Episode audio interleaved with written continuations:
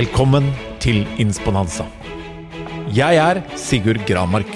Hver uke vil vi få besøk av Norges beste foredragsholdere. Det alle gjestene våre har til felles, er at de er her for å inspirere deg, og at du kan booke de på Athenas.no. Velkommen til Insponanza. Dagens gjest er Johannes Ørvek Nilsen. Og han er eh, lege, han er filosof, han har eh, en bakgrunn som basert på samtalen som han og jeg har hatt, som blei altfor lang. Vi har nesten spilt inn en podkastepisode før vi gikk, på, gikk live her. Så nå skal du ta fram eh, blyanten din, pennen din, eller hva du skriver på, og et ark, og gjøre deg klar. Og hvis du går tur med hunden eller et eller annet, så har du en sånn skjermbildefunksjon. Og vær forberedt på at du skal trykke på den, du, for da tar du Det er det jeg gjør når jeg hører på interessante podkaster, for da kommer du til å ta bilde av det tidspunktet Johannes sa noe interessant, for dette kommer til å bli interessant. Altså. Og Johannes, tusen takk for at du stiller inn på Takk for at jeg fikk komme. Dette, altså, du hadde eh, vi har jo truffet hverandre før, en gang for lenge siden. Og så har jeg fulgt deg litt fra sidelinjen. Du har gjort en del artikler, men uh, du har også utfordret legestanden litt på hvordan vi ser ting, har jeg sett i noen artikler. Men hvis vi går helt tilbake igjen til Du jo, tok en gang en utdannelse som en lege. Ja. Og Hadde du da tenkt til å bli lege, eller var det egentlig bare sånn jeg gjør det først for å se hva de driver med, og så utfordre det? Nei, altså jeg tok jo en utdannelse i utgangspunktet for å bli lege. Jeg har jo en far som i utgangspunktet er lege. Ja. Så jeg tok jo det, men jeg var jo veldig interessert i menneskekroppen og mennesket, og hva er det som gjør at vi har det bra, hva er det som gjør at vi ikke har det bra. Så jeg ønsket jo veldig å lære om menneskekroppen. Så det eh, ble satt i gang veldig tidlig eh, når jeg kom på studiet. Ja. Og når er det du etter hvert begynte å reflektere om at eh, en ting er eh, hvordan den tradisjonelle medisins, medisinske tilgangen, tilnærmingen til, til, kroppen er, og når du begynte å se at er det noe større, er det noe rundt? Fordi Basert på samtalen vår, da, så ser du litt sånn helhetlig på dette her, og tar enda mer i hvert fall enn jeg vant når jeg snakker med leger, utgangspunkt i naturen og det opprinnelige og hvordan vi er. Når er du begynt å se den retningen? Det vil jeg jo si er et resultat av at jeg kanskje leste litt for mye enn det jeg egentlig burde. Og da så jeg etter hvert at veldig mye av den tilnærmingen var veldig begrenset. Eh, det var vel kanskje på andre året eller noe sånt hvor jeg begynte å se det. Og jeg så at dette her virker veldig mekanisk. Vi snevrer inn på veldig små områder og skal prøve å fikse opp i noe som egentlig har mye videre kontekst. Og det blir jo veldig mye quick fix-strategier gjennom tradisjonelt helsevesen. Én ting er jo det som er eh, akutt behandling, som er velutviklet, moderne og kjempenyttig. Er det hjerteinfarkt, så går det på sykehuset, ikke sant. Men uh, når vi begynner å bruke akuttmedisin på subakutte og kroniske plager, det er problematisk. Og forskjellen på behandlingen, hva er det? Eller tilnærmingen også, hvis du vil uh, Nei, altså en uh, La oss si et vanlig sykehus f.eks. Det er jo satt opp veldig som et verksted som skal holde deg i live. mens en long fix, som jeg vil kalle det, ikke en quick fix, det er jo satt opp mye mer på å sørge for at mennesket i seg selv har det bra og konteksten de lever i også, er i en relativ balanse da, i forhold til eh, andre mennesker og, og, jobb og situasjonen de lever i totalt sett. Så det verkstedet, da, som eh, denne metaforen her, det er for å, som du sier, holde deg i live? Eh, og den andre tilnærmingen, den litt mer holistiske eller helhetlige som du snakker om, er med det å nesten lære deg å leve, da? eller? Ja, det er jo det. Jeg ser jo ofte på det sånn at det er fire ting du trenger å ha på plass i livet for å leve et godt liv. Det ene er jo å kjenne deg selv godt. Du må vite godt hvem du er. Og basert på at du vet godt hvem du er, så vet du som regel også hva du vil. Og så må du lære deg å håndtere tanker og følelser. For uten det så blir veien din i livet den blir veldig, veldig humpete. Og det siste du trenger er gode relasjoner. Og har du de fire komponentene på plass, så vil livet ditt bli ganske bra. Hvem er du, da?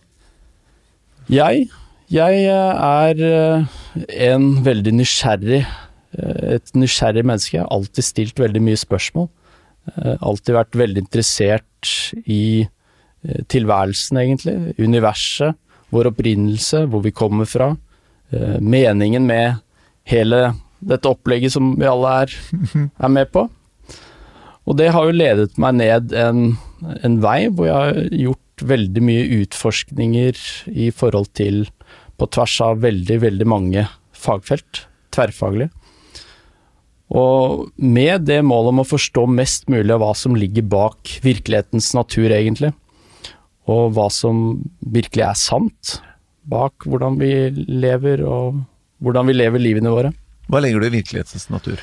Virkelighetens natur, det handler jo veldig mye om egentlig hva alt er bygget opp fra, eller ut, ifra, da.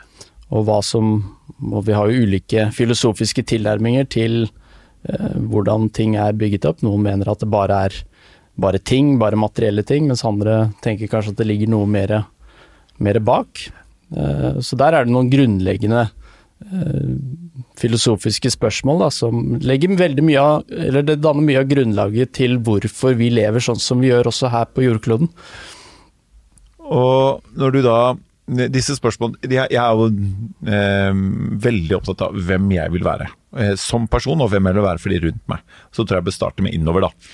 Og, og, og, og syns at det har vært ekstremt spennende de 15 årene jeg har jobbet med det, for å, å bli bedre og, og, være bedre, og ikke minst ha det bedre. Hva, hva, kan folk gjøre da for å stille seg det første, det, det ene av det, den første du sa, de fire? Det er å vite hva du sa, eh, hvem de er. Hvem du er. Ja. Hva, hva kan de gjøre? for å få svar på det? Altså Det viktigste er jo å først stille spørsmålet, men så er det jo Så må man også vite at du har et bilde av hvem du tror du er. Men så er det jo andre mennesker som ser deg kanskje på en annen måte enn det du gjør selv, f.eks. en partner man lever sammen med, som har et helt annet perspektiv enn ditt forherligende bilde av deg selv. Ja, det, jeg tror det er Davik på jeg ser noen ganger, og hvem jeg er, ja. ja. ja. Og så er det jo klart at det er noe både du og andre mennesker ikke vet om deg selv. Mm. Og så er det noen ting du vet som andre ikke vet. Mm. Er dette nesten litt sånn Joharis vindu, eller ja, disse fire Det kan du godt si. Ja. At det er, det er veldig knyttet opp mot det. Men så er det noe med det at vi har jo også en tosidig natur. Og vi har både positive og negative egenskaper. Vi er glad, vi er trist, vi er positive, vi er negative. Vi er eh, suksessfulle, vi er mislykkede på noen områder. Og veldig mye av vår søken i samfunnet handler om å prøve å gjøre tilværelsen vår mest mulig ensidig. Og gjennom det så dukker det opp veldig mye symptomer og plager. Vi prøver å fornekte egentlig eh, universets og naturens tosidighet, som egentlig gjennomsyrer hele tilværelsen vår. Hva består den tosidigheten av? Det betyr egentlig at uh, verden, naturen, er bygget opp av motsetninger som er komplementære, da. Som er, det betyr at de henger sammen. Det er to sider av samme mynt. Og du greier ikke å kvitte deg med én, fordi de henger sammen akkurat som et sånt yin-yang-symbol, hvor du har en liten hvit prikk i det svarte, og så har du en svart prikk i det hvite. Og hva kan dette være? Sånn helt konkret, sånn at folk, folk, forstår akkurat hva du mener. Det er jo f.eks. som mange ganger når jeg har jobbet med mennesker, så kan jeg noen ganger møte med noen som sier at de aldri er sint, f.eks. Mm. Jeg er aldri sint. Men så møter de hele tiden sinte mennesker på utsiden. Ikke sant? Mm. Som fungerer på mange måter som et speil på ditt indre liv. Ja. Og du er kanskje ikke så sint, du er kanskje stolt av å ikke være sint på andre mennesker der ute. Men det sinnet, det går alltid et sted. Og i alle tilfeller der hvor jeg møter sånne mennesker som har den tilnærmingen, så er de som regel veldig, veldig sint på seg selv. Ja. Så da går den slemme behandlingen innover istedenfor. Mm. Så dette her kan jo være f.eks. det at du tenker at du bare er snill. Ikke sant? Mm. Det kan også være en sånn sak, men mm. din tosidige natur betyr at du også vil være begge deler. Du vil være både snill og slem. Det er ikke sikkert at du mener å være slem, men andre mennesker vil alltid se deg som slem. Hvis ikke du møter opp som avtalt, f.eks., så tenker de han var slem. Mm. Så tenker du kanskje jeg er snill, jeg. Kjempesnill. Og hvis du undertrykker dette her, da, og ikke jobber noe med det, hva kan eh, konsekvensene være? Det som er, når vi, når vi fornekter vår tosidige natur, så forsøker vi å leve med pendelen svinget til én side. Og det krever ekstremt mye innsats og energi og stress og frustrasjon for å prøve å opprettholde det hele tiden. Og når vi pusher det for mye, så dukker det opp symptomer da på stress, rett og slett, som er et forhøyet Som jeg vil si at da er gassen for mye i trykka inn, da. Og disse symptomene, eh, hvor merker man det hen? Er det bare mentalt, eller kan det sette seg i kroppen? Det setter seg både mentalt, kroppslig, det kan sette seg i relasjonene dine, det kan sette seg på arbeidsplassen, det kan sette seg i samfunnet. Så det første, hvis du skulle gitt én teknikk, ett spørsmål, én ting de kunne lest Hva, hva første man kan gjøre for den, det første elementet, altså hvem du er, eller bli kjent med hvem du er hva, Hvis du skulle ett tips, hva gjør folk? Det første jeg vil si, er jo at du bør ta en titt først på hva livet ditt demonstrerer. For livet ditt og symptomene dine, som jeg pleier å si, det lyver aldri. Nei. Men mennesker lyver hele tiden. Men livet ditt forteller deg hva som er viktig i livet ditt. Og det som er viktig i livet ditt, det er det du bruker tid og energi og ressursene dine på. Og det endrer seg ofte eh, opp gjennom livet, men hvis du tar en liten objektiv oversikt over hva faktisk du fyller dagene dine med, eller ukene dine med, eller månedene med, så vil du få en god peiling på i hvert fall hvem du er identitetsmessig og hvilke prioriteringer som er viktige for deg i livet ditt. Ja, for da er det jo å se på hva har jeg gjort eh, de siste to månedene, f.eks. Hva har mhm. tiden min gått til? Og da kanskje gjøre seg en tanke om hva er det jeg egentlig ønsker at tiden min skal gå til? Ja, og det er det et stort avvik her? Men så kan du godt prøve å sette i gang med f.eks. jeg burde trene, jeg burde gjøre sånn, og herregud, jeg får ikke til å trene. Som er veldig vanlig fordi man har da, som jeg vil si, satt sprøyter med andre menneskers viktige prioriteringer Kjempe. inn i seg selv. Og ved å gjøre det, så prøver du å leve et liv som ikke er designet for deg. Og, men det er ikke det at trening ikke kan bli viktig, for det kan det virkelig bli, men da må det være, stå i forhold til det som faktisk er viktig for deg. Så La oss si du f.eks. er en mor, så aller, din viktigste prioritet i livet det er å ta vare på barna. Og det er jo klart at Hvis du er på en jobb som ikke legger til rette, eller du kan ikke se for deg helt at jobben er nyttig for barna dine, så er det klart da vil alt på jobben oppleves som veldig stressende. Og hvis du skal trene og bruke tid på det, vekk fra barna, så må jo det være relevant på en måte i forhold til barna. Ikke fordi du skal se bra ut eller ta vare på kroppen din. Så endringer vi gjør i livet, det må stå i forhold til det som er viktig for oss. Og det er en fin måte å starte på, det er å bare ta en kikk på hva livet demonstrerer, eller få noen andre til å gjøre det for deg. Ja. Fortelle deg hva du bruker tiden din til? Ja. ja. For veldig ofte når jeg stiller mennesker spørsmål om hva er det som er viktig for deg i livet, så får jeg veldig mye svar som egentlig ikke er de tingene som egentlig er viktig. Nei. Det er det de ønsker skal være viktig, eller som samfunnet uh, ofte ser som viktig. Ja. Så, men livet ditt, det lyver aldri. Livet ditt, det lyver aldri. Og nummer to, det var? Som du syns var eh, av disse fire? Nummer to, det er jo å vite hva du vil. Ja. Og du kan jo umulig vite hva du vil hvis ikke du vet hvem du er. Nei. Da vil du ende opp med noen andres plan for ditt liv. Hvis ikke du vet hvem du er. Hva vil du, da? Hva jeg vil? Mm. Jeg vil eh, Jeg er kommet på et sånt sted i livet hvor jeg virkelig Jeg ønsker å ha det bra, men jeg ønsker å ha det bra gjennom at andre mennesker rundt meg, som, både som jeg bryr meg om, men også mennesker jeg kommer i kontakt med, skal ha det best mulig. Det er det jeg er mest dedikert til. Og jeg trenger egentlig ikke å sette noen grense i forhold til om det gjelder for samfunnet vårt eller for landet vårt. Jeg ønsker virkelig å bringe ut veldig mye av det jeg har funnet ut av, til mennesker, sånn at de kan leve mest mulig meningsfulle liv, med god helse, ha god trivsel og samtidig også ha god suksess i livene sine. Hva vil du si er kanskje det vi har misforstått mest, eller eh, Og da mener jeg ikke eh, at, gjør, at folk eh, på en måte har latt seg lure av samfunnet, men det, i forhold til det å ha det bra, hva, hva er det den fella vi har gått i, de fleste av oss? Altså Veldig mye av fella, som jeg vil si, det handler vel i utgangspunktet mest om at vi har fjernet oss veldig mye vekk fra naturens lover og prinsipper. Altså hvordan naturen egentlig fungerer. Og så har vi prøvd å sette opp et samfunn basert på våre preferanser. Men vi lytter veldig lite til om hvordan total, totale tilværelsen fungerer. Ja. Og ved å gjøre det, så kommer vi veldig skjevt ut. Da starter vi med en veldig skjev grunnmur, som gir opphav til veldig, veldig mye symptomer og utfordringer på mange plan i både liv og samfunn.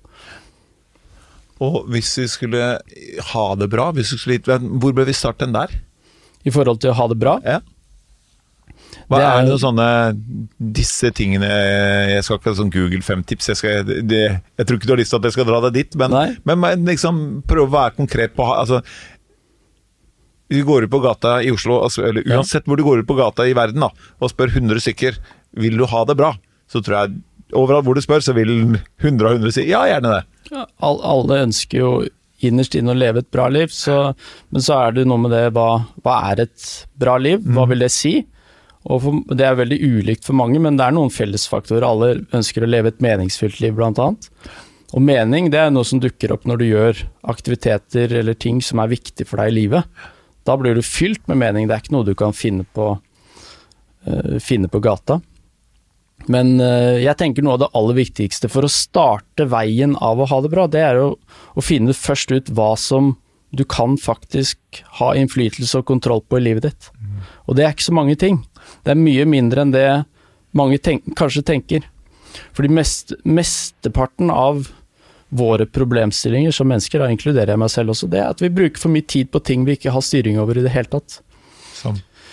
Det er jo hva andre mennesker tenker, det er jo alt mulig uforutsett som kan skje der ute. Jeg tror det kanskje er bedre hvis jeg sier det sånn at det du har kontroll på i livet, det er ikke så mye, det er, det er to eller tre ting. Det er hva slags oppmerksomhet du vier til ting. Mm. Oppfatningen din, altså hvordan du oppfatter eller hva slags mening du gir til ulike ting som skjer. Og valgene du tar. Det er ikke så veldig mye mer du egentlig har kontroll på. Og hvis du stiller deg spørsmålet hva er det jeg har kontroll på nå? I dette øyeblikket? Så kan det i hvert fall begynne å gjøre deg litt mer bevisst på de tingene du faktisk kan gjøre, med, gjøre noe med, og sånn at du slipper å kaste bort unødvendig mengde med tid på alt det du ikke kan gjøre noe med. For det fører bare til unødvendig mengde med stress og frustrasjon og ulike ubehag da, som dukker opp. Ja, jeg merker jeg er veldig sånn på um hva gir jeg min oppmerksomhet til? Og så merker jeg hva jeg vier oppmerksomheten til, har veldig med hvilken uh, sinnstilstand og, og, hvordan jeg har det. Og, og, i den perioden jeg er i, eller til og med ned på minuttet der og da. Og hva jeg uh, jo kall det stressa, eller hvor uh, enten stressa eller hvor et eller annet indre uro eller sånn jeg har. Det påvirker hva jeg ser etter, og hva jeg legger merke til. Og ikke minst også hvilken mening jeg legger til det som du sier, altså hvordan jeg tolker det. Så jeg merker jo de gangene jeg er i balanse, kanskje som du sier, altså hva kan jeg kontrollere akkurat nå? Jo, jeg er her, hva vil jeg fokusere på? Jeg er på Johannes, jeg vil bruke min tid med deg. Og, og jeg merker jo, jo mer jeg jobber med det, jo mer legger jeg merke til gode ting, bra ting, og jo mindre tolker jeg, eller jo flinkere jeg er til å tolke meningen med det som skjer rundt meg, på en, på en, måte som er bra for meg, og at folk har gode intensjoner. Så eh, når vi da jobber med disse tingene, vil det påvirke når du sier hva vi legger merke til, men også hva vi ser, og hvilken verden vi ser, eller? Og hvilken verden vi rusler i? Ja, det gjør jo det. For det første så er det jo to måter vi kan vie oppmerksomhet på som styres av hvordan hjernen vår er bygget opp. Én del av hjernen vår, altså den venstre, har en tendens til å se veldig innsnevret og detaljfokusert. Med andre ord, den kjører en 100 gang zoom inn på ting, som er designet for at vi skal greie å få tak i ting for å spise og overleve. Mens høyre hjernehalvdel har en, en helt annen oppmerksomhet, som prøver egentlig å holde oversikt over omgivelser mens vi spiser, sånn at vi skal finne ut om det er noen predatorer rundt oss. Så vi kan ha primært sett to typer oppmerksomhet som vi kan vie, enten en veldig 100 ganger zoom inn, eller så kan vi ha en mye mer panoramautsikt. Så det er to typer oppmerksomhet. Når det kommer til oppfatningen vår, så er den veldig påvirket av de tingene som i utgangspunktet er viktige for oss som mennesker. Så vi filtrerer jo verden gjennom de tingene som er viktige for oss. Og hjernen vår er bygget opp på den måten også, som gjør at vi sender ut veldig mange impulser og fargelegger omgivelsene før vi egentlig ser. Så Derfor så ser vi ofte verden ikke nødvendigvis alltid sånn som den er, men vi ser den mye mer sånn som vi er. Og ved å stille litt annerledes spørsmål der sånn, så kan du bli oppmerksom på f.eks. hvordan kan jeg se annerledes på denne situasjonen her? Det er jo en måte du kan begynne å vekke deg litt opp til å se at kanskje ikke bare denne hendelsen som skjer i dag, kollegaen på jobb eller situasjonen jeg er i, kanskje ikke bare er negativt. Kanskje det kan være mange skjulte oppsider i denne situasjonen. Og jo mer vi får uh, nyansert perspektivene våre, jo mer roer også kroppen og psyken vår. ikke sant? Så hvis vi har for eh, overdramatiserte oppfatninger av virkeligheten, så fører jo det igjen til veldig mye symptomer. Og det her kommer vi tilbake igjen til den overordnede tosidigheten i naturen, ikke sant? som mm. gjør at veldig mange hendelser, det er ikke bare negative, det er veldig mye positivt assosiert med de også. Og det her er jo spennende, fordi de, både du og jeg da, som er opptatt av uh, kultur og hvordan sel selskaper, og ikke minst da, mennesker omgås, da, så går vi inn i bygg og kaller det et selskap, så er det jo fortsatt mennesker som går inn der, selv om de kalles ansatte forvekslingsvis like mennesker, disse ansatte. Og det er også da individer.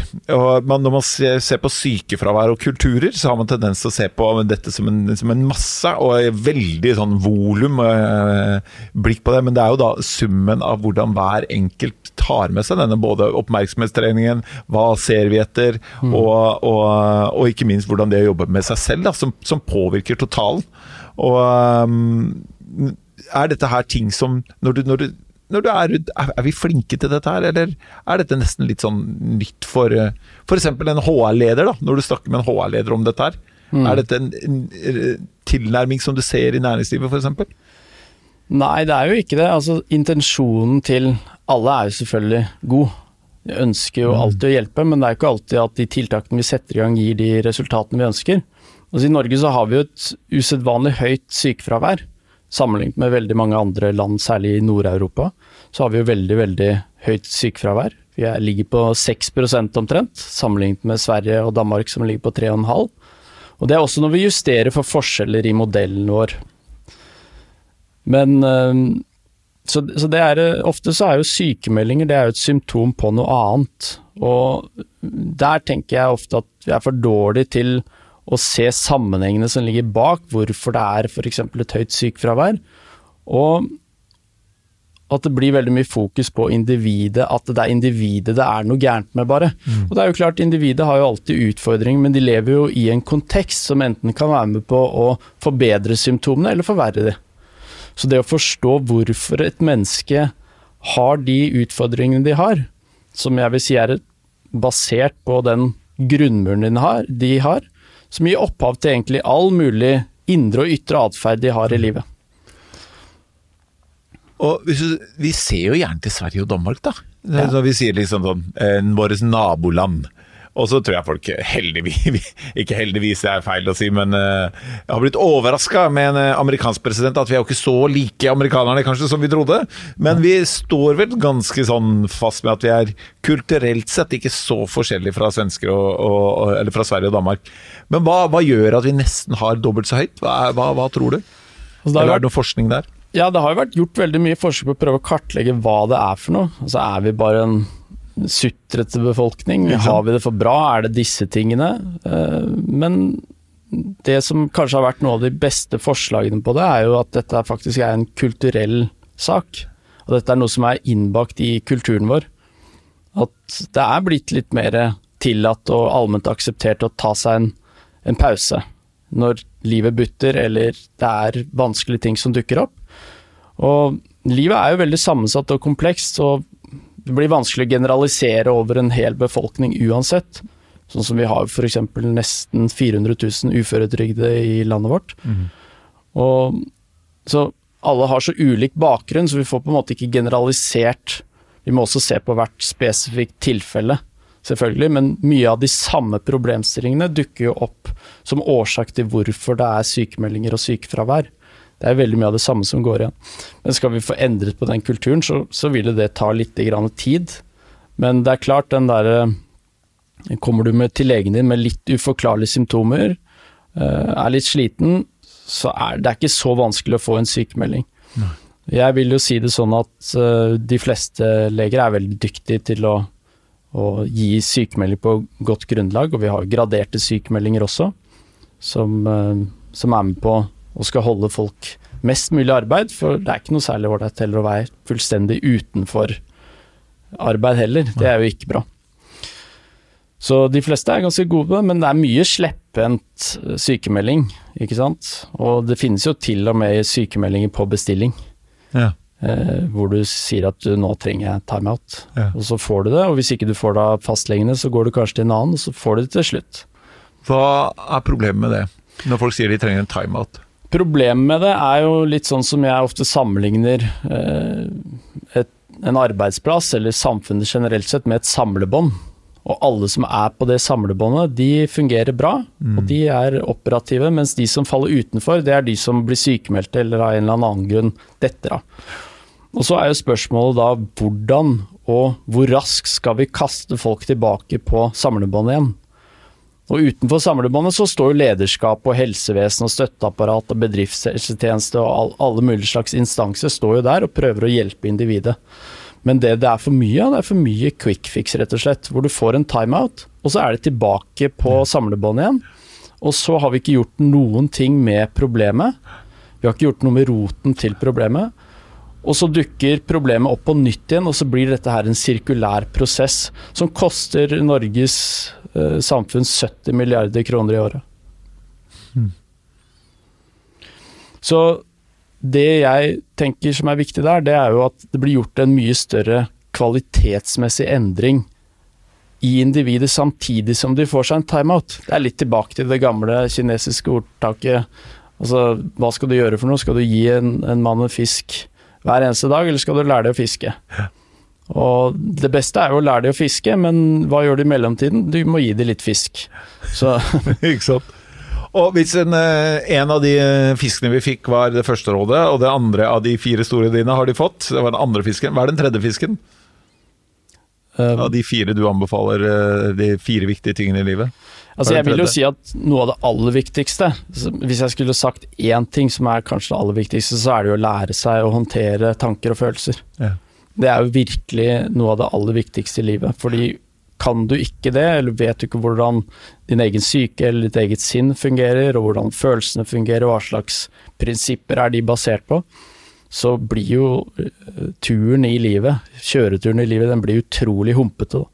Nå skal jeg stille deg et spørsmål som jeg eh, blir veldig imponert om du klarer. Men du er jo lege, men også filosof, så jeg tør å stille deg om det. Fordi sinnet det er et, ord som eh, fungerer eh, oversatt til engelsk eh, veldig bra.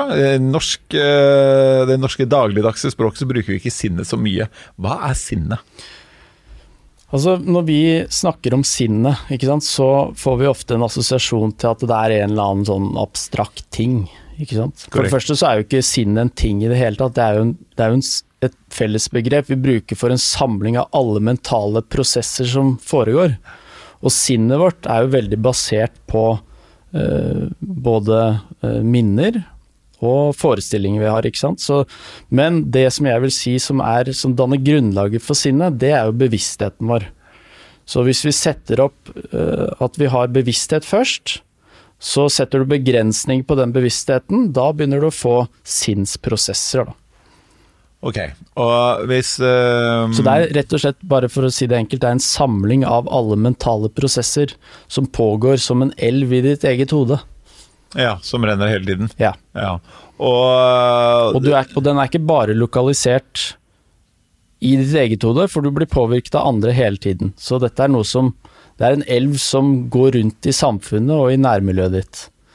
Men ja, og jeg har jo da gjennom min interesse for feltet, som er begrensa kompetanse, men interessen er stor, så har jeg lært at eh, i stor grad når vi skal lære oss å mestre våre tanker og følelser, da, så er jo en av utfordringene at vi eh, Hvis du ser denne elven som eh, at den har vært, at den nesten går i sirkel, da, at vi ser fremtiden med fortiden. Altså Hukommelsen har en veldig sånn, dominant rolle i hvordan vi ser fremtiden. Eh, er det også krevende i forhold til eh, det å mestre tanker og følelser? At vi er så prega av hva vi har opplevd før og hvordan vi ser verden? Ja, fordi alt du har opplevd, det vil jo fargelegge eh, igjen hvordan du oppfatter din virkelighet, så har du hatt veldig mange negative opplevelser i fortiden, veldig mange traumer, så vil jo det også ha en tendens til å fargelegge omgivelsene din på en mye mørkere måte. Som gjør at du får også et mye mer pessimistisk utsyn på både livet og tilværelsen. Hvordan kan du jobbe med det? Da må du jo få hjelp til å snu om på litt hvordan du oppfatter din egen fortid. Mm.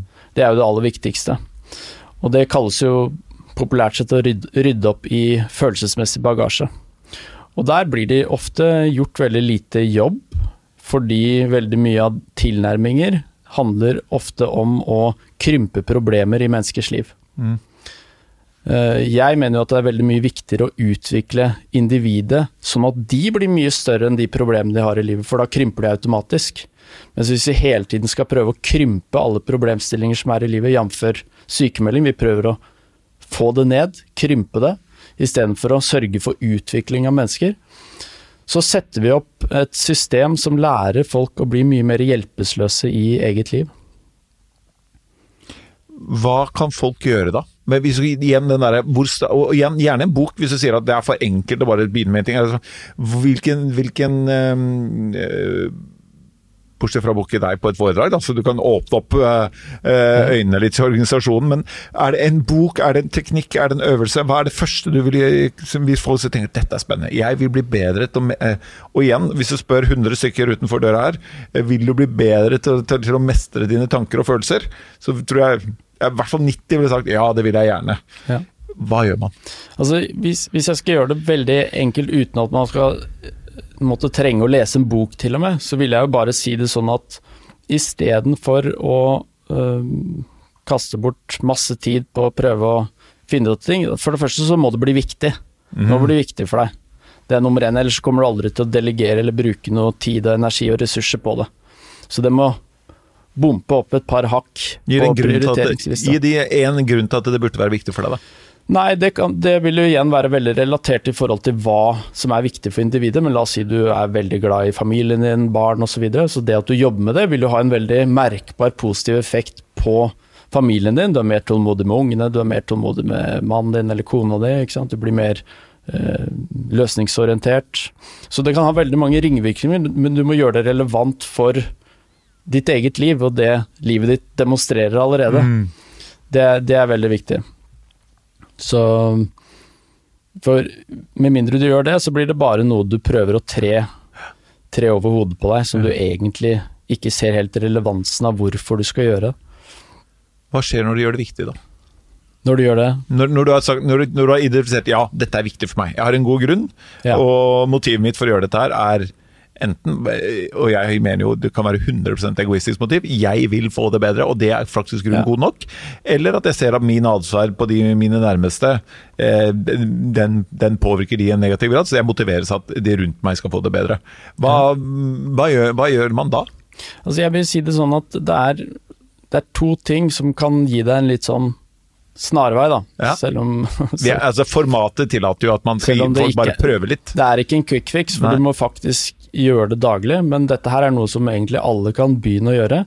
Og det er å stille følgende spørsmål hva er det jeg har kontroll på? Mm. Og Det kan du godt stille 10-20-30-40 ganger i løpet av en dag. Mm. Og Det er bare for å gjøre deg bevisst på hva du bruker tiden din på. For det, uten å gjøre det, så er du bare et resultat av tankene og følelsene dine hele tiden. Da kaster de deg dit tanker og følelser vil, og så blir du bare en en som hele tiden reagerer på disse tingene. Så det å, å stille det spørsmålet, det er en god start. Uh, nummer to jeg vil si, det er å begynne å se ting mer nyansert. Og det er ved å stille annerledes spørsmål. La oss si du er i en utfordrende situasjon. La oss si du krangler med kona di eller mannen din, eller du har en eller annen kollega som du ikke kommer overens med, eller du har en sjef du ikke liker. Så er det noe med å spørre med hva er det som faktisk er positivt ved at jeg har dette individet i livet mitt? Hva er det som er bra, hva er fordelene for meg ved at jeg har dette mennesket i livet mitt nå? Og veldig ofte så får du følgende svar, det er ingen fordeler.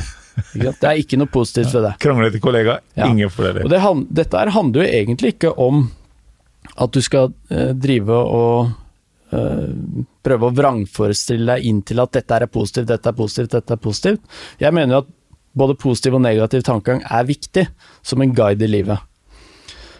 Og, men det det handler mye mer om, det er at du skal gjøre situasjoner relevant for deg selv, sånn at du kan snu om potensielt vanskelige situasjoner til en ressurs. Og der har vi jo valget selv. Enten så kan du være en offer for situasjonen du havner oppi, eller så kan du faktisk gjøre noe konstruktivt ut av det og snu oppfatningen i en litt annen retning som faktisk tjener deg litt. Og da ved at du har en vanskelig sjef, det kan jo få deg til å kanskje stille noen grunnleggende spørsmål. Trives jeg egentlig med denne jobben her? Er det her jeg vil være? Hva er det som er viktig for meg i livet? Stort sett når vi har det vanskelig, det er da vi stiller grunnleggende viktige spørsmål i livet. Og kanskje det er noe jeg skal jobbe med, kanskje jeg skal prøve å endre litt meg, kanskje jeg skal lære meg å stå litt mer opp for meg selv, si ifra mer. Så, så det at du møter hindringer i livet ditt i form av enten mennesker eller omstendigheter, det kan trigge ting i deg som bidrar til utvikling. Hvis man har den innstillingen i utgangspunktet at utvikling er mer viktig enn å krympe problemene. For å fjerne sjefen, det er å krympe problemet.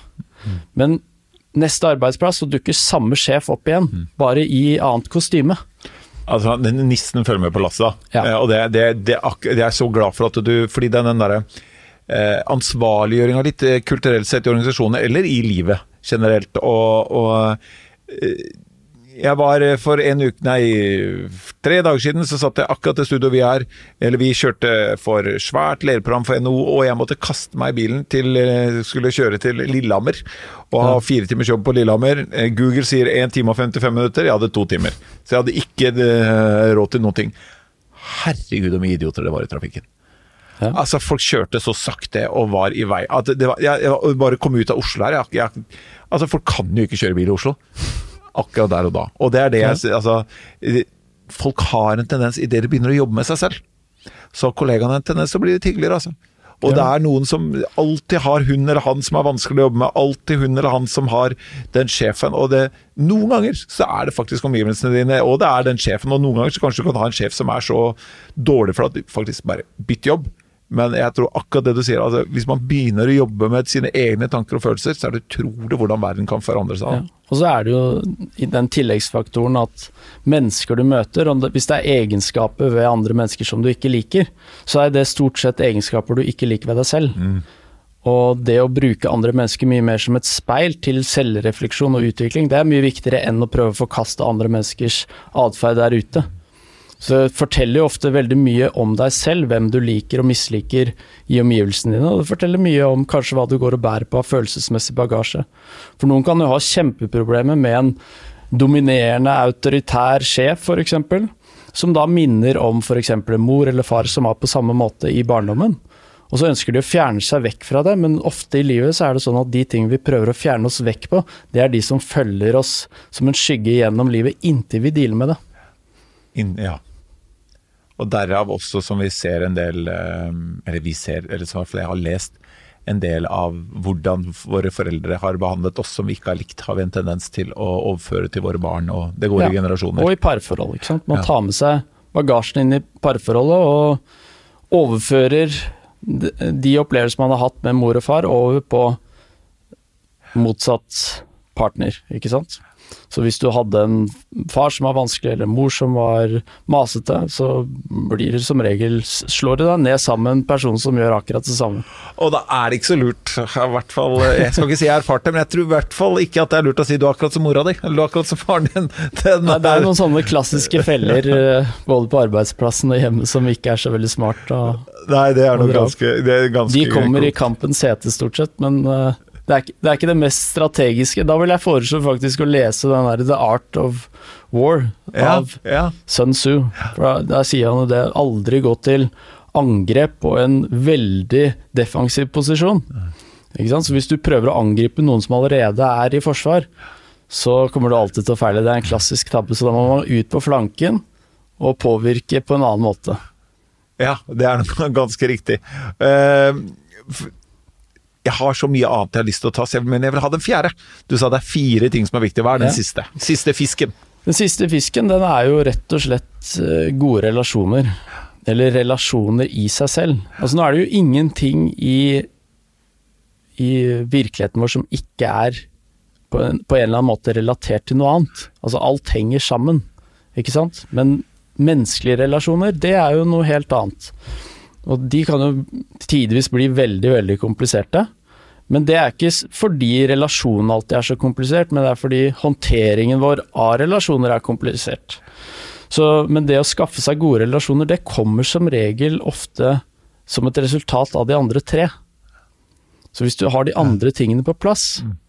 at du er, vet hvem du er, du trives godt med det du holder på med, og i tillegg kan håndtere både følelser og tanker på en god måte, så blir det ofte enklere å komme overens med folk. For hvis de er et speilbilde av deg selv på mange måter, så blir det mye enklere å håndtere det hvis du vet at det er tilfellet. At han, som er, han eller hun som er veldig sinna, det er nok ikke bare de som er sinna, men du møter de og har et problem med det. Og kanskje du skal stille deg det spørsmålet da Hvor er det jeg kanaliserer mitt sinne? Er det innover, eller er det utover? Mm. Og går man og bærer på veldig mye av sånne typer følelser på innsiden fordi man ønsker å se bra ut på utsiden, så gir det også igjen opphav til veldig mye symptomer og sykdom på innsiden. Mm. Og hvis du klarer å jobbe med dette, da, og du har gode relasjoner over tid, mm. Uh, og du kan gå til naturen, eller du kan gå til uh, verkstedet, eller uh, vitenskapen. Hvilken påvirkning har gode relasjoner på livene våre? Det er jo veldig Altså, det er jo noe som ofte gir mye mening. Vi er jo, vi er jo Altså, evolusjonsmessig så har vi jo utviklet oss som sosiale dyr. Eh, vi er jo det i utgangspunktet, og, men det å ha gode relasjoner rundt Ikke bare gir det deg eh, kanskje mål og mening med livet, men, men det gir den dypere formen for mening som vi trenger i tillegg til å bare gjøre ting.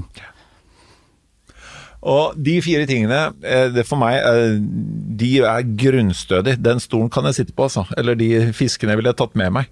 Og som jeg sa, folkens, her får du helt konkrete tips om du har skrevet dem opp. Men gå tilbake igjen og, og, og lytt til dette her, for det, det, er så konkret og det er så, så fine verktøy. og Jeg syns det er en, sånn, en tilnærming også til en ansvarliggjøring av individet, men også hva vi betyr for kollektivet. Da, når vi kommer på jobb og de relasjonene vi har, og, og hva som gjør om vi klarer å holde oss friske, eller hvordan klare å, å ikke inn og ut på denne, som du sier, dette verste, og, og løse det og kutte utenom og, langsiktig få en, få en bedre løsning. da. Ja. Uh, jeg har lyst til å prate om litt annen ting, som vi prata om uh, før vi gikk inn her. Uh, vi vil snakke litt om ernæring. Og hvis uh, Jeg håper dette er innafor at jeg tar det opp, hvis ikke får Morten klipper det bort. Men du har faktisk kjørt en ti dagers faste. Ja. Det er en del år siden nå, da, men det er ikke så lenge siden jeg tok 72 timer faste. Hvis vi tar først Eller Hvorfor skal man gjøre dette her? 72 timer fast. Jeg, grunnen til at vi kom innom det, var at jeg fortalte deg jeg kjører periodisert fasting. Jeg nå, er nå oppe i 20 timer i døgnet jeg ikke spiser, så er jeg fire, et spisevindu på fire. Drikker godt, får meg masse det jeg tror jeg skal ha i de 20 timene. Eh, men du har kjørt 72 timer. Hvorfor det? Altså I utgangspunktet så hadde jeg hadde vondt i ryggen. Det var jo det som gjorde at jeg satte i gang med 72 timer. Eh, Tidageren, det var mye mer personlig interesse. Ja. Så, så det, det, er forskjellige grunner til hvorfor. Men det er ikke noe tvil om at vi starter jo uh, datamaskinene våre på nytt ofte, og da funker den bedre. På samme måte kan det være å faste over en litt lengre periode. Kan du få en restart på hele systemet som kan uh, vende kropp og syke kanskje tilbake til litt mer fabrikkinnstillinger, som jeg vil si, da. Kunne du tatt i løpet av to minutter 24 timer, 48 timer. Hva skjer eh, utover dagene, dagene her? Altså det, det, skjer jo forskjellige ting. Altså med en gang eh, kroppen ikke mottar mat for, altså Kroppen vår er bygget opp sånn at den hele tiden må ha en jevn innførsel av ting for å opprettholde den orden den har. Eh, og ved at det begynner å stoppe opp, så begynner jo kroppen å kompensere med ulike responser. Og det første som skjer, er jo en slags stressrespons for å prøve å kompensere. Men etter hvert så begynner kroppen å tilpasse seg, og så begynner den å tære mer på lagre som vi allerede har, både muskler og lever og fett. Og så begynner jo ofte hormonprofiler å nøytralisere seg mye mer. Du blir mer eh, rolig. Etter 48 timer så får man ofte boost i veksthormon f.eks. Og etter Ja. 72 timer så skjer det ofte endringer med immunforsvaret i tillegg. Permanente, eller? Ja, eller det blir jo i hvert fall en restart, men du kan jo alltids vende tilbake til din gærne livsstil i forkant, som vil sette i gang de samme eh, plagene du har hatt. Men eh, når du faster også, så skjer det jo ikke bare sånne type endringer med at du får færre symptomer, men det skjer jo også en endring på gennivå ved at ulike gener skrus av og på, som kan være med på å dempe betennelsesreaksjoner i kroppen f.eks.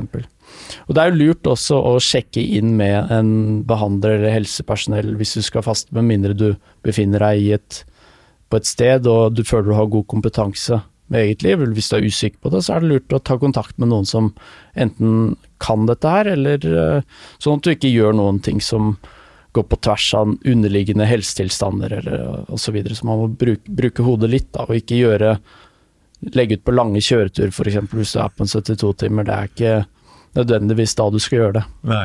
Og jeg, jeg syns dette er spennende, og det viser meg Jeg liker jo de autentiske innen foredrag og forelesning, og de som har levd det livet og har en skikkelig autentisk interesse for det de driver med. Og det her er for meg litt sånn nesten sånn vitnesbyrd for deg på det.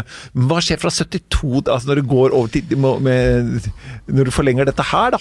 Og kommer over til ti dager? Altså, da tenker jeg det er mye mer relevant enn hva som foregår i kroppen, fordi kroppen venner seg til det og begynner å tære mer og mer på de eh, opparbeidede lagrene du har. Men det viktigste her er jo i forhold til energinivå og den mentale eh, Altså du får mye mer ro både i kroppen din og også i forhold til sinnsmessig, da, for du har jo mye færre eh, impulser og stimuli hele tiden som trigger deg den ene eller den andre retningen. Det blir nesten som å, om du skulle lagt fra deg telefonen en hel dag, f.eks. Tenk hva som hadde skjedd da. Da kunne man kanskje fått det litt bedre enn å scrolle inn på alle mulige slags Instagram og sammenligne seg selv med alle andre hele tiden. Ja, og det sammenligningsviruset er Så, kanskje et farlig så fjerner du virus. du mange stressorer, da, som du gjør ved å f.eks. faste. faste. Du kan jo faste mentalt også, ved å ikke konsumere så mye informasjon. Mm. Så det er også en mentalfaste. Aldri hørt før. Helt genialt. Ja. Ja. Så mentalfaste er jo vel så viktig som en, en fysisk faste, vil jeg si. da. Fordi det henger såpass tett sammen. Jeg sier det som at kropp og sinn det er som høyre og venstre øye. da. Ser du til venstre, så følger eh, høyre etter, og motsatt. Hvis du skulle gitt um, det jeg syns næringslivet er litt defensive på Og jeg forstår det, for det er så mye lover og regler og personvern og sånn, men uh, vi er litt redde for å blande oss inn i hvordan liv de ansatte lever når de ikke er på jobb. Så, og vi, når de kommer på jobb, så kan vi optimalisere og prøve å påvirke så godt vi kan, men vi er jo eh, utgangspunktet vårt. Vi er jo velsignet med den kroppen og det hodet den ansatte, eh, som den blir når den går inn på jobben vår, har med seg. Hvis du skulle gitt noen eh, helsetips på individnivå, hva, hva, hva, hva bør folk Hva er liksom minimum du bør egentlig ha på plass? Ehm, altså Nå tenker du kun for individet, Ja, uavhengig av arbeidsplassen. Ja, hva, hva Ja. kan jeg ta ansvar for for helse, fysisk og psykisk helse? Sånn at hvis eh, jeg skal ta, kalle en ting er det er selvfølgelig kjempegevinsten du får for deg selv og ditt eget liv, men hvis du tenker sånn For at jeg skal bidra til at det, det kommer en eh, Det er en utgangspunktet dere får med meg som ansatt på jobben, det er meget godt, for dette ansvaret tar jeg. Så er det ingen som bruker det som motivasjon, tror jeg, men et, i et næringslivskontekst, på individnivå, hva kan jeg gjøre? Det viktigste er kanskje først å bli eh, eksponert for enten en bok eller en video eller et individ som kanskje inspirerer deg i den retning som trigger en eller annen interesse. Litt tilbake til Sokrates måte å se utdanning på, at det handler mer om å tenne en gnist. Så å bringe ut noe som allerede bor i deg, og alle ønsker jo egentlig i utgangspunktet være ha en god helse. Fordi uten helse så har du ingenting.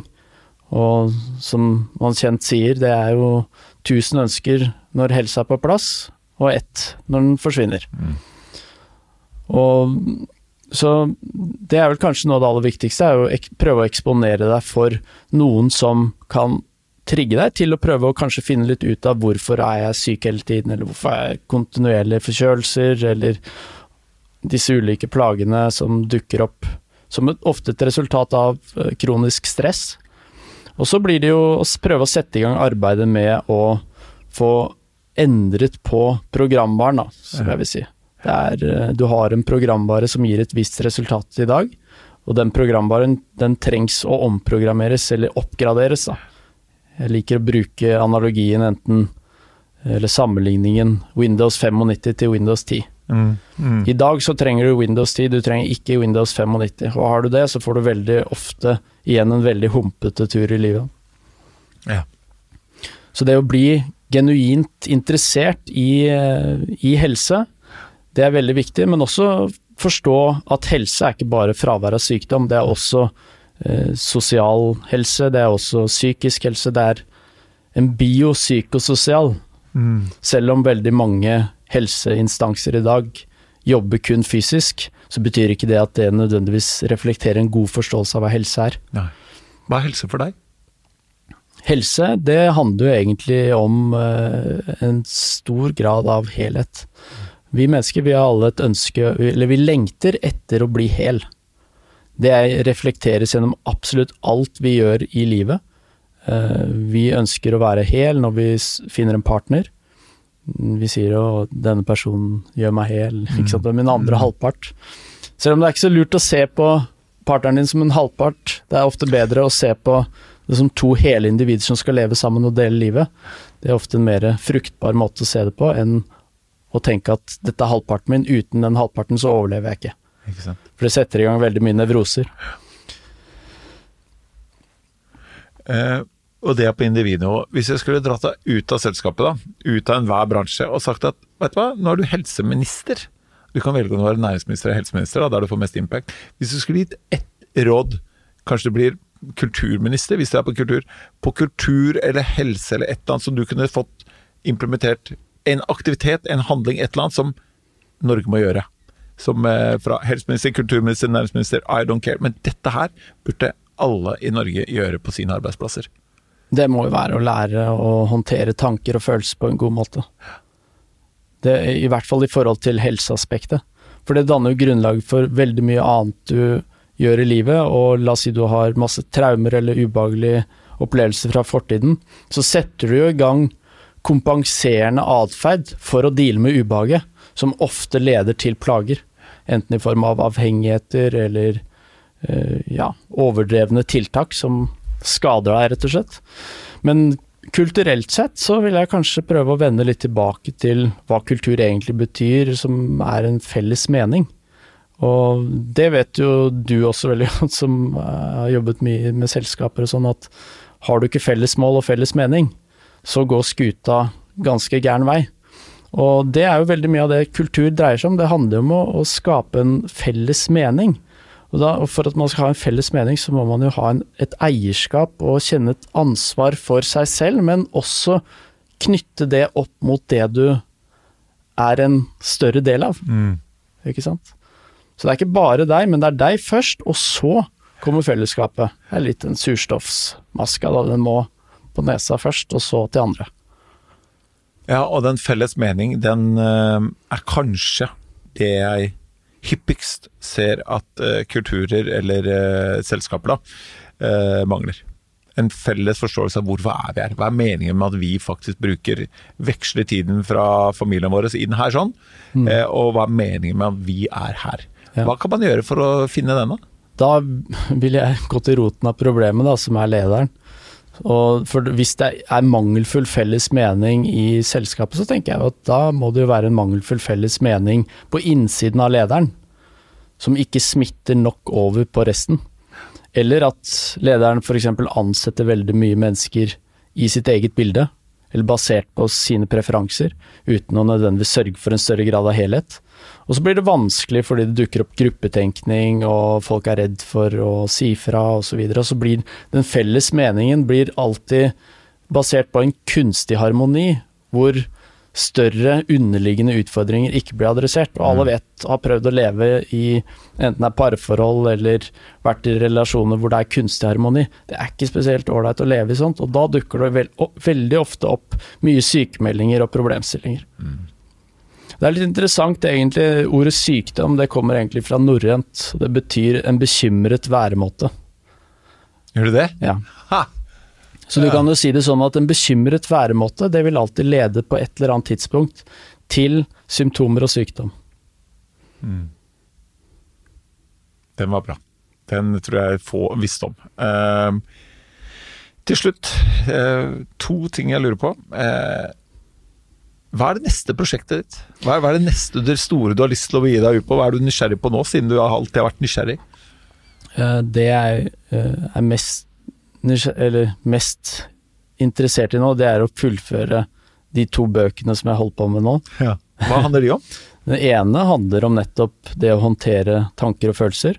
Den andre tar for seg mye mer dette her med eh, helse, hva er egentlig helse, og hva er alle de underliggende faktorene som eh, danner grunnlaget for om du har helse eller ikke. Det, er, det er et ganske stort tema, så det har eh, tatt litt tid, men det er noe jeg jobber med. Ellers så, så har jeg vært litt involvert i Guttas campus. Eh, Ja. Der har jeg vært litt involvert. og Hva er det? Guttas campus det er jo et ideelt prosjekt som eh, jobber med vanskeligstilt ungdom i 14-15-årsalderen, Helt som faller mellom to stoler, og egentlig ikke blir fulgt opp på en god måte, eller de blir ikke tatt eh, godt hånd om da, i, i skolevesenet, fordi de har eh, kanskje ikke kompetanse eller kapasitet til å, å gjøre det. Og Guttas campus er jo designet nettopp for å gi eh, disse guttene en faglig utvikling, men også en personlig utvikling. Eh, med andre ord så får de jo vokst seg litt større enn det de egentlig er. Kjempebra. Altså. Og Der skal jeg ha et uh, foreldreforedrag om, uh, i neste uke som handler om et enklere foreldreliv. Uh, hvordan man kan få et enklere foreldreliv. Du og Marco Sofadi bør jo teame opp litt, egentlig. Ja, jeg, jeg kjenner jo Marco godt, så jeg antar at dere har litt å prate om. ja. Ja. Eh, siste Jeg eh, erkjenner at jeg eh, Og det, det her sier jeg ikke noe servilt, ikke noe annen agenda. Jeg tror ikke jeg klarer å finne de mest eh, Det er jo kvaliteten i mine spørsmål som avgjør hva du får svart på. Og jeg skjønte i forpraten vår at eh, tiden vi har, strekker ikke til, og kanskje ikke min kompetanse til å spørre om de tingene som virkelig får som gjør at du får sagt det du virkelig er opptatt av. Er det noe her vi burde vært innom? Er det noe altså, som jeg da ikke har fått dratt oss til eller spurt om, som du kunne tenkt at dette her bør folk vite? Nei, men jeg tenker vel det er vel derfor filmbransjen har oppfølgere, er det ikke det? jo, jo, kanskje det. Så det er ikke noe du føler at vi burde vært innom som vi ikke har vært innom? Da tar vi det neste gang. Nei, jeg tenker noe av det viktigste vi har vært innom, har vel egentlig vært dekket litt nå. For det kan gi en, en start og en nysgjerrighet, og forhåpentligvis så kan det tenne en gnist hos de som lytter på, eller de som uh, har lyst til å eventuelt hyre meg inn på noen prater. Ja, og det er det du skal gjøre. Bra du sier det. Fordi hvis du har lyst til å ha en organisasjon som altså, Eller som en eh, fyr som har besøkt så å si hele Norge, jobba med ledelse hele livet. Du vil at din organisasjon og de som kommer på jobben din skal ha felles mening. Og det er på veien dit, hvis du da kan jobbe med de så på helt sikkert gruppenivå, også på individnivå, kan gi de flere verktøy på hvordan de, de, de tanker, nei, takler egne, egne følelser, og, og, og, og ikke minst da disse fire fiskene, som det ikke er i opprinneligheter, men som vi har kalt de her. Det alene ville jeg, dette her ville vært et knallspennende foredrag for meg å delta på, i hvert fall. Så tar du kontakt med Athena, så tar du og booker den superspennende foredragsholderen Johannes Ørbæk Nilsen. Og for min del, eh, vi kommer til å snakke mer. Jeg skal eh, benytte meg av dine tjenester, så det har vært veldig hyggelig å ha deg her, og lykke til med alt du skal gjøre. Og takk for at du stilte opp i Innsponans. Tusen takk for at jeg fikk være her, veldig hyggelig. Hver uke vil vi få besøk av Norges beste foredragsholdere. Det alle gjestene våre har til felles, er at de er her for å inspirere deg, og at du kan booke de på athenas.no.